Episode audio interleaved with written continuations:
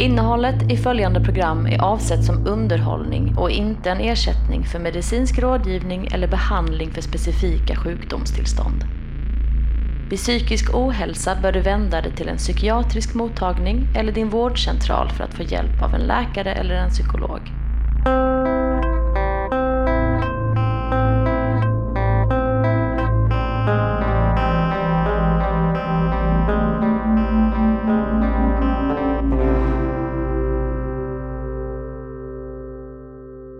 När jag cyklade hit idag för att spela in det här avsnittet så kände jag en molande smärta i kroppen. Jag kände mig totalt dränerad på intressanta spaningar och infallsrika uppslag. Jag kände mig håglös. Jag kände mig trött. Jag kände mig tom. Jag kände mig alldeles, alldeles, alldeles uppgiven.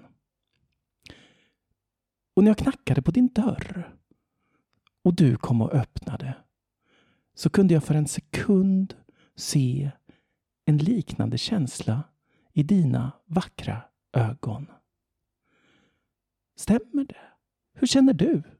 Jag hoppades på att när du skulle komma hit, eh, att du kanske hade de här uppslagen. För jag har senaste dagarna inte sett fram emot att spela in det här. Jag har funderat lite på vad som skulle kunna kanske vara intressant att prata om, men också samtidigt känt att ja, men finns det inget intressant att prata om så, så ska inte jag forcera det. Känns uh, konstigt att uh, göra någonting käckt och intressant när uh, livet inte känns så käckt och intressant. Nej, och hur går vi an det då? Alltså hur möts vi i det och hur tar vi det vidare? Någonstans har jag tänkt att det här ska ju handla om, eh, ska vi säga, en resa, någon slags dokumentär om hur det är att eh, inte ha lust med så mycket, att vara trög om vintern. Och så, så blir det så paradoxalt att man gör det inför en publik som önskar att saker ska vara intressanta och spännande. Och om det här var sista avsnittet, eller vi hade ett avsnitt till, så skulle det kännas lite lugnare, för då skulle det vara en sån här nice känsla av att man bjuder på sig själv och sin trötthet. Men eh, den här rädslan om att eh, behöva göra det här i eh, sju avsnitt och kanske vara trög och inte ha något att komma med. Det är ju, det är ju slow radio. Det är verkligen att eh, titta på ett tåg som bara kör genom ett eh, dimmigt landskap. Och jag vet inte om jag vill vara bakgrundsljud i folks liv egentligen. Nej, men vi är ju ändå tvungna att dra det här lasset bakom oss. Vi måste släpa stenbumlingen upp för berget om och om igen. Även när håglöshetens knäktar Ja, vad gör håglöshetens knäktar, Johan? Vad gör de? De krafsar på ens själ med sina skarpslipade hillebardar. Det var det jag sökte. Ja. Nej, och de gillar inte alls. Men det, det, samtidigt så finns det någonting i det här som sätter fingret på känslan av, eh, av vinter. Att eh, jag tänker på oss båda som eh, kreativa personer, inte kanske kreativa att vi får så mycket gjort, men att vi har idéer på saker som vi skulle vilja göra. Och den här tröttheten som kommer på vintern som kommer i vägen, att man istället gör de här banala sakerna. Man kanske går till sitt jobb och man ser till som man äter och sover och man tappar inte kontakten med alla människor omkring sig. Den tar ju all energi så man har inte riktigt kraften att göra någonting spännande. Och jag i alla fall känner mig som en ganska tråkig person om vintern. Men vad, vad, vad, ehm, vad, ska vi hitta på då? Vi är ju ändå tvungna att fylla det här med, om inte edgy content, så åtminstone content. Mm, jag gillar det här med att du, du brukar ju säga att saker ska vara lite mer edgy. Det hörs ju inte i programmet, men eh, när vi pratar om hur vi ska klippa det här så klipp det lite mer edgy och vi måste vara lite edgy. Och där någonstans så Jag har däremot en tanke om att vi är någonstans är P1, eh, två trötta gubbar som pratar med varandra och sen så kan man lyssna på det här när man kör bil och inte orkar med musik. Och samtidigt så rädslan här är att jag, att vi eh, sakta dalar till någon slags P0 till ett dödläge och eh, pratar utan publik eh, någon gång i mars. Men är inte det ändå en ganska attraktiv tanke?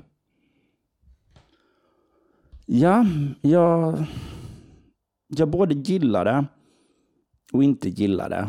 Och jag tror att jag gillar det egentligen om jag känner på min magkänsla. Så tycker jag att, så som vi pratade tidigare också, så vill vi prata om saker som kanske många känner och tänker, men som inte är det som man ska visa utåt.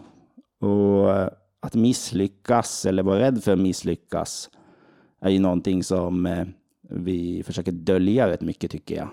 Vi visar våra framgångar och sen får vi applåder och likes för dem. Och eh, när vi, vi har det jobbigt och kämpar med det så får vi också samma applåder.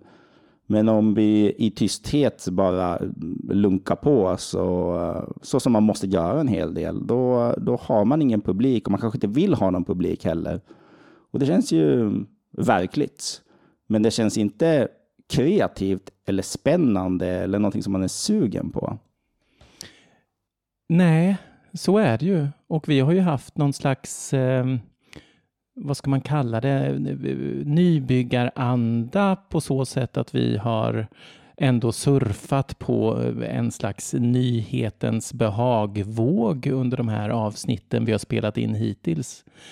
Och nu så sammanfaller det här ju på ett väldigt olyckligt maner så att säga när den här vågen klingar av samtidigt som den allra strävaste perioden visar sitt oborstade anlete. Mm. Att acceptera på något sätt att den här podden var en dålig idé. På det sättet, eh, på det edgy sättet. Och eh, försöka lista ut vad det är för någonting vi sitter med istället. Det här med att man som nybyggare har lyckats fly svälter i sitt gamla land och sen så har man börjat gräva fundamentet för eh, nya huset eh, och, eh, och sen har man eh, vaknat en morgon i den här gruppen med spaden i handen och ingen bygger huset åt den och där ligger man och håller i spaden. Och hoppas att någon ska komma, dyka upp. Jag vet inte hur du brukar gå an den här tiden på året, Rauli Solanko, men jag känner att jag är dränerad på knep, quick fixes, så kallade smarta lösningar. Jag gör helt enkelt som mor och mormor och mormors mor har gjort i alla tider. Jag bara biter ihop och fortsätter uthärda. Nej, men jag tror att det så jag också tänker. Eh, jag väntar in våren och jag vet att sånt här går upp och ner. Och det har funkat förut och jag har eh, tagit mig till någon slags glädje och sug igen. Och jag menar, jag har ju bra dagar just nu också som kanske distraherar en från ens trötthet. Men eh, samtidigt så, jag tror det är just den här lusten att eh, vilja göra saker, göra någonting spännande, göra någonting nytt eh, som man inte pallar göra, som tär på min identitet. Att jag blir som en annan person. Jag är, jag är lite död. Jag, jag, jag kan tänka mig att, ungefär som man pratar med folk ibland, så här, ja men Sån är hon inte egentligen. Eh, det är bara en sida som hon visar på grund av den här krisen och annars är hon superhärlig. Eh, men man är ju allt det här egentligen. Jag är ju den här tråkiga, inte få saker gjort personen också. Det är en väldigt stor del av mig och min identitet. Och det är en eh, sträv tablett att svälja. Ja, det förstår jag. Och du, nej men det är intressant för du verkar ändå ganska så upptagen av vilken bild av dig själv du på något sätt vill förmedla utåt också. Inte, inte bara gentemot dig själv och dina egna liksom, kreativa liksom, eh, tankar och känslor, utan även vad du vill vara för sorts person i en eh, yttre kontext. Stämmer det? Det tror jag absolut. Jag, eh, jag bryr mig eh, väldigt mycket om vad andra tycker. Och jag tror framförallt att jag bryr mig om, inte de här som är närmast mig, den första raden, vad de tycker, utan de här som lite vet vem jag är men inte riktigt känner mig. Den här andra raden av publik, deras åsikter är av någon anledning jätteviktiga för mig. Eller jag ska inte säga viktiga att jag vill ha det så, utan viktiga i meningen att det påverkar mig ganska mycket. Och jag tänker någonstans i det här som eh, att eh, vi nu gör eh, lite släpig, ett släpigt poddavsnitt här tillsammans som kanske inte leder någonstans. Och det kanske har ett värde. Och vi kanske gör ett till i nästa avsnitt och det är också släpigt och inte riktigt kommer någonstans. Vi petar lite i oss själva och inte så mycket händer. Det är väl någonting som också behövs. Och jag tänkte på det här begreppet som eh, fail fast. Att man eh, påbörjar projekt, så där som jag tror det är Google som pushar mycket för det. Alla har sin eh, fria dag i veckan och sysslar med egna projekt och om de kommer igång med dem, då eh, går Google bakom det och testar om det kan få lite fäste. Och gör det inte det så dödar man de projekten snabbt. För att man ska inte ödsla tid på någonting som inte kommer leda någonstans. Och det här med att eh, saker ska leda någonstans och det ska gå fort. Det är någonting som vi har väldigt mycket i oss, tycker jag. Eller jag har i alla fall i mig själv. Att om man inte får någon fart på någonting ganska snabbt och, och, eh, och man får nickar av sin omgivning att ja, men du är på rätt väg. Då är det inte lönt att ge sig in i det. Och jag tänker, men det finns massor med saker här i världen som, eh, som har krävt sin tid och kanske fått ett värde efter ett tag. Men att det inte är det som får den här eh, uppskattningen. Den direkta uppskattningen, nej. nej. Nej, men eh, jag menar, eh, vårt allmänna attention span har ju på något sätt liksom krympt ner till det här minsta nålsögat på Husqvarna symaskinen.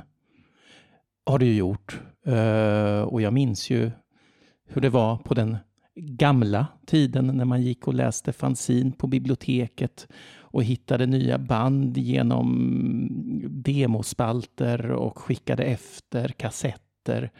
Det var otroligt mycket ansträngning för att eventuellt springa på en guldåder. Men det, det, det är ju helt borta idag. Och kanske är det inte borta, men det säljer inte. Så att eh, det vi får är snabba saker. Jag eh, tänkte på den här mannen, jag tror det är i Spanien, som byggt en kyrka själv. Jag tror inte han lever längre. Jag är inte säker på detta. Jag hittar på lite här vartefter. Men eh, han höll på i över 30 år och ibland kom folk förbi och hjälpte till och han hade ju som uppdrag i livet att bygga en kyrka och färdig trodde han inte han skulle bli, men han skulle bygga den i alla fall. Och sen i kontrast till eh, då personer som kanske bränner kyrkor. Det går väldigt mycket snabbare och man får kanske mer spaltmeter för det. Och det är det här på något sätt eh, vad man får uppmärksamhet för som eh, skapar en kultur där man kan eh, tvivla att någonting är värt något om man inte får belöningar inom en rimlig tid på något sätt. Ja, så är det ju definitivt. Men både kyrkbyggarna och kyrkbrännarna behövs ju i det här samhället. Ja, vad ska man annars ha kyrkor till?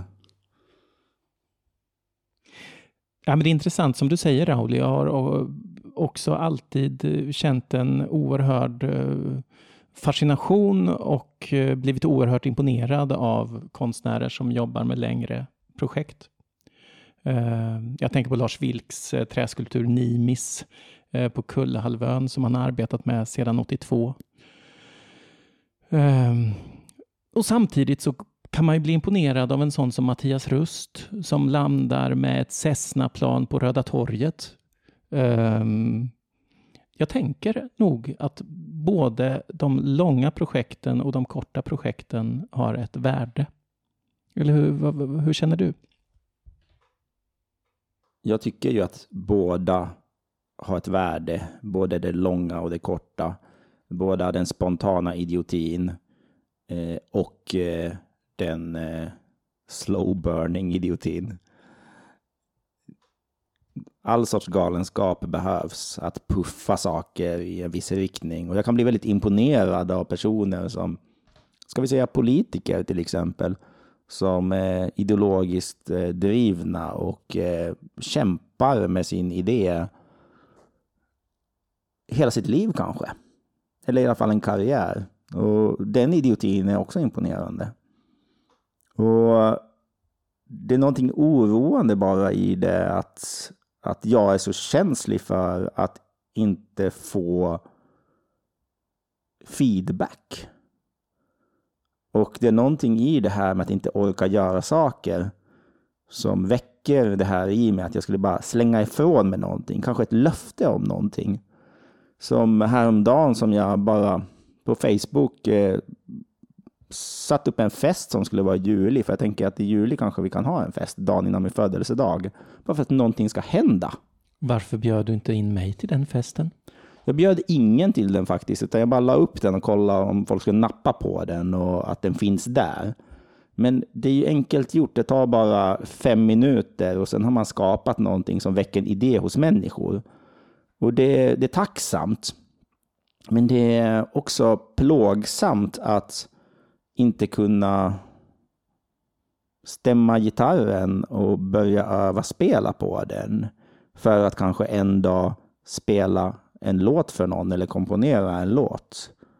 Det, det, det gör mig liten, den, den här effektsökeriet som finns i det på något sätt. Ja, nej men jag kan, eh, jag kan såklart eh, förstå dina känslor kring det här. Och jag tycker det är intressant att eh, på något sätt jämföra våra dagböcker. För min del så är jag på något sätt tvungen att ha eh, kreativa och eh, spännande grejer omkring mig som händer för att jag ska orka. För har jag inte det så, så vet jag inte vad som händer, utan de fungerar ändå som någon slags högoktanig eh, något högoktanigt ljus liksom i den här mörka perioden. Men du är väl också en person som väldigt lätt går igång på de sakerna. Inte bara att det här är intressant, utan också eh, att du blir stolt över de saker du gör och att det, du, du verkar som du växlar över ganska snabbt på det. Ja, definitivt. Nej, men så är det ju. Och såklart handlar det om att få feedback också. Liksom jag, har ju svårt att se att man bara skulle göra grejer för görandets skull, liksom, utan det, det, det, på något sätt ingår i konceptet att man gör någonting och sen så är det någon som tycker att det är kul eller bra eller som blir berörd av det. Liksom. Men jag tänker samtidigt att jag har en del projekt för mig som eh, aldrig någon får höra talas om för att jag kommer på en idé och sen börjar jag jobba på någonting och jag känner att det är ganska skönt om jag inte har berättat för någon att det här gör jag just nu. Dels för att man mördar ju lite av det här, eh, av lusten att göra det här, för att man har visat upp idén innan man har genomfört det. Men också, någon, jag vet inte, det är någon idé om att det vore så nice att vara den här personen som har suttit och jobbat med någonting i ett halvår och inte sagt någonting och bara, här är det. Mer för att jag själv blir glad när folk gör sånt. Eh, utan att eh, starta någon vlogga om det och berätta om sitt projekt på vägen utan att sälja merchandise innan någonting är gjort. Utan bara göra någonting och sen titta vad jag gjorde. Och det tycker jag är himla kul, spännande, som en liten hemlighet att hålla på. Men eh, de flesta av de här sakerna dör ju innan jag någonsin har nämnt dem. Det finns en kyrkogård i mitt huvud och det är där idéer har gått och, eller projekt har gått och dött. Eh, jag blir nyfiken. Jag vill dra på mig eh, gravskändarmunderingen och ge mig ut med en spade efter mörkrets inbrott och eh, gräva mig ner i de här gravarna med en Arboga 10,2 öl i bakfickan. Precis som den västmanländske nekrofilen hade. Man tänker ju lätt på att en gravskändare på något sätt är ett proffs som bara kör och sen visar sig att de också behöver någon slags styrketår för att eh, göra sin grej. Det tycker jag ändå är mänskligt. Men du Rauli, vad, vad, vad, gör du så här års då för att liksom få någon feeling av något annat? Ligger du och googlar eh, Bali-stränder i din Android-telefon. Eh, sätter du dig ner och tänder lite levande doftljus och drömmer dig tillbaka till en kryssning du gjorde som barn. Har du några knep? Jag tror jag brukar göra sådana saker, försöka liksom peppa för någon idé. Men samtidigt så, om jag tänker efter nu, så har jag inga planer alls. Jag har ingenting spännande. Okej, okay, förutom den här festen då, sista juli som alla är välkomna till. Men eh, det, det är så tomt och på ett sätt är det också skönt. För det, det är lite av en fasad att eh, bygga upp de här planerna. Eh, sen när det blir eh, lätt att göra saker, då kommer jag göra det här och det här och det här. Utan jag tänker mig att jag, jag rullar på och försöker hålla i the basics som då innefattar också eh, försöka kanske förvalta sånt som jag tyckte var en bra idé innan det blev jobbigt. För att jag tänker mig att det, man kan inte släppa de här sakerna bara för att det känns som det känns. Och oftast är det ju till exempel ett jobb som man fortsätter fokusera på och få det att fungera. Just nu jobbar jag ju inte. Eh, och då tänker jag mig att det, blir andra lite banala sysslor då. Men den här att ambitiöst starta någonting, nu ska jag ta itu med det här i mitt liv för att det ska kännas bättre. Jag är lite rädd för att det ska misslyckas och jag är mer bekväm med att bara rulla på och inte påbörja någonting när det är som svårast. Samtidigt så, bra dagar, bra stunder, så blir jag sugen på, vet du vad, jag ska planera en workshop som kommer hända i mars. Och det ger ju lite energi. Men just nu känns det som att det, det är lite, vad säger man, spel för kulisserna, ridåerna. Vad är ordspråket Johan? Spel för gallerierna. Gallerierna, ja, vad precis. menar man med det? Liksom, vilka gallerier? Ja, det är väl någon slags eh, emporia, tror jag. Mobiltelefonbutiker och ekologiska danska barnklädesbutiker. Det är de gallerierna man ska lura. Det är de du försöker lura, antar jag. Rauli Solanko, jag tycker det låter som en mycket, mycket sund inställning. Eh, I början på januari är inte tiden då du ska sätta dig ute här med din eh, etniska trumma och locka ut en massa musikintresserade grannar. Januari är tiden för dig för kontemplation, för att se håglösheten in i dess glåmiga ögon. Slappna av, andas i fyrkant. Lugn och ro kring din person behöver du just nu. Och du måste acceptera det.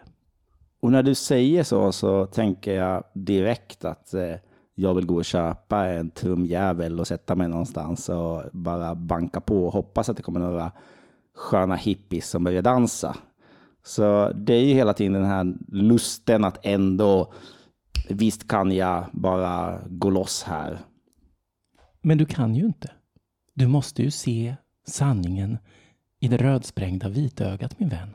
Och jag vill bara nu välta bordet och säga watch me och gå och köpa den här trumman. Och det kanske är det som är lite med energi i allting. När jag blir för trött på att vara trött så blir jag lite förbannad och revanschsugen och då händer i alla fall någonting. Mm. Men känner du igen det Johan? Och det har vi pratat om och det är ju en jättefin egenskap. Det är ju en kanonegenskap att ha. Var rädd om den, men du måste samtidigt också se var du befinner dig. Men känner du igen den här känslan av revanschlust ibland mitt i all glåmigt och trött? Att, eh, att man blir förbannad på tillståndet i sig och därför vill eh, fyra av någon slags eh, bomb?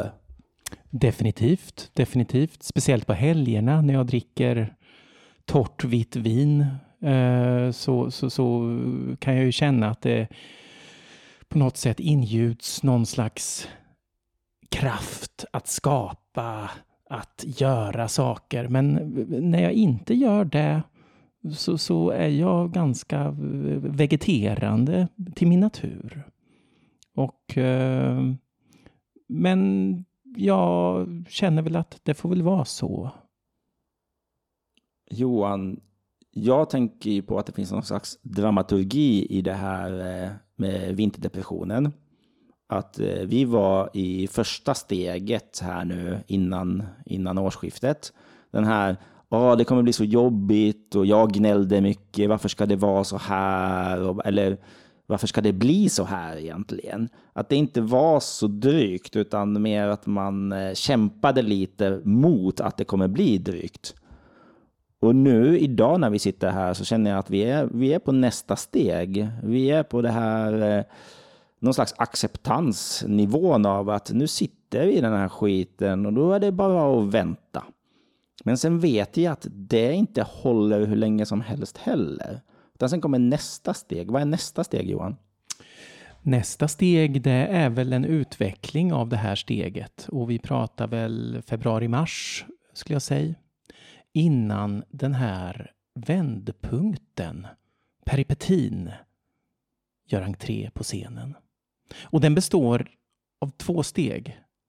Dels en värmebölja, eh, en ja, för Sverige, Skåne definierad värmebölja. Temperaturen stiger, människor åker ut i bokskogen, går runt i uh, flisvästar, fotograferar små, små, små knoppar som trycker upp sina vackra anleten ur den skånska myllan. Oset från grillkorven sprider sig på den överfulla parkeringen. Det finns rosor både på kinder och pannor. Barn skrattar och är glada i lite tunnare jackor. Och det är den här perioden som jag tänker är slutskedet av den här arga perioden för mig. När jag är så trött på det. Jag ser att det blir ljusare dagar men jag är fortfarande lika jävla trött och lika jävla färdig. Eller jag skulle vilja säga ännu tröttare. Februari, mars där någonstans. Jag tänker, kommer det aldrig gå över? Och den här situationen som du målar upp här nu, den blir jag ju ännu mer triggad av någonstans. Varför då? Nej men eh, alla vet ju att efter det här så kommer det någon jävla snöstorm och allting skiter sig igen. Och, och sen är alla besvikna över att ja, men våren var ändå inte här. Och där är jag skadeglad och tänker så här, ja, trodde ni att det skulle vara så här jävla lätt? Och det är ju peripetins andra del, så att säga, som jag ser det i den här dramaturgin. Det är ju snöslasket runt påsk i april. När man drar ner rullgardinen framför alla de här naiva och godtyckliga amatörerna som då har tagit ut den så kallade segern i förskott. Och vi vet ju båda att pessimism är väldigt nära realism. Och den där optimismen som kommer då, som inte är befogad på något sätt, den, eh, jag vet inte, den gör mig lite, lite, jag vill inte använda ordet arg en gång till, men jag får väl göra det då. Ja, den sticker ju upp sitt fula tryne. Den gör ju det. När jag tänker på de här personerna som eh, fotar eh, blommor när de sticker upp sitt anlete någon gång där innan de blir dödade av snöstormen. Så tänker jag på den här eh, idén om att om man gör saker som får en glad så blir man glad. Och jag känner väldigt dubbelt inför det. Jag minns när jag var på en föreläsning med någon eh, kvinna som skulle motivera en till eh, egenföretagande, tror jag det var. Någon slags entreprenörskurs som Skatteverket ordnade. Och då var det en kvinna som skulle berätta om hur hon, eh, hur hon eh, var i en djup depression och eh, älskade att träna, men orkade inte, orkade inte att träna. Och sen så började hon göra det och var instruktör och gick dit och var glad och peppig inför den här publiken. Och eh, kämpade gång på gång för att eh, uppbåda energin för att vara glad och peppig inför sina pass. Och så sa hon att ja, och sen kom jag på efter eh, ett antal pass att jag var ju glad och peppig på riktigt. Att jag kom dit på grund av att vara glad och peppig inför folk. Att det väckte känslan på riktigt till slut. Den här idén om att om man går omkring och ler så blir man glad till slut. Och jag blir väldigt provocerad av den tanken. Och samtidigt så är jag lite rädd för att om man går på motsatta linjen så, så gräver man sin egen nybyggargrav någonstans. Hur tänker du kring det Johan? Nej, men det, hennes ideologi handlade väl om att på något sätt lura sig själv i etapper. Och att lura sig fram till glädjen, ja, det är en avantgardistisk eh, idé kan jag tycka. Jag har själv inte provat just den, utan kanske snarare den motsatta då som du presenterar så fint här. Men jag menar, man får ha ett öppet sinnelag. Vi lever i moderna tider. Man får acceptera alla typer av böjelser som finns runt omkring oss. Men eh, har du varit med om att eh, andra omkring dig försöker lura dig in i det sinnelaget då? Ja, det har de inte en chans. Men försöker de? Ja, det ju, finns ju ryggdunkar-mentalitet och ja, en, slags liksom positivt serum som folk försöker injicera i mina bultande artärer. Men jag låter inte dem komma nära. Vad har du att förlora då? Mitt värde som människa skulle jag säga. För det finns ju någonting väldigt naivt och väldigt våldsamt skulle jag faktiskt vilja påstå. Att vara där och krafsa i folks artärer med den här kanylen. Jag, jag tycker att det närmar sig en övergreppsgräns som jag är väldigt, väldigt, väldigt eh, mån om att inte släppa. Rör inte mitt mörker. Så landar vi där igen. Hur känner du då? Vill du eh, bli tvångsinjicerad med eh, artificiellt lyckoserum av eh, halvimbecilla människor med reflexvästar? Ja, Johan, det där lät lite hårt. Men ehm, jag, ehm, jag tror att hos personer som eh, söker efter pepp finns det en erfarenhet av pepp funkar. Jag tänker mig kanske att eh, när man är eh, trött, när man inte tror på saker, så, så kan det vara väldigt provocerande att få den här eh, gaska upp dig-upplevelsen. Jag tror inte det är illa ment eh, och eh, jag tror inte det gör någon skada egentligen. Men att eh, den här känslan av att eh, man kanske är och rotar i ens kamp. Att eh, det tar ju väldigt mycket energi att bita ihop och tugga igenom vintern. Och när andra vill då hjälpsamt lägga in nya ingredienser och komponenter i den gör det ju inte nödvändigtvis lättare. Och man får ju själv ansvaret när de kommer och säger här är en tårta, om du äter den så blir du glad. Så måste man fortfarande äta den här tårtan.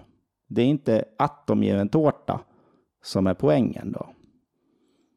Utan det är fortfarande en till sak som man måste ta itu med. Okej, nu måste jag också vara glad. Och det är en energitjuv. Och därför kan, kan jag lite eh, identifiera mig med den här eh, rätt bryska eh, beskrivningen av eh, hur du ser på personer som gör så. Den enda bild jag har i mitt huvud just nu, Rauli Solanko, är eh, den här eh, positiva entreprenörscoachen som står på Skatteverket och var hon befinner sig i exakt detta nu. Jag föreställer mig en mörklagd lägenhet, sopsäckar över fönsterrutorna, en nerpissad madrass på ett golv, en kvinna i fosterställning som ligger och gråter. I yogaställning som hon precis lärt sig med tvn på och musiken på hög volym.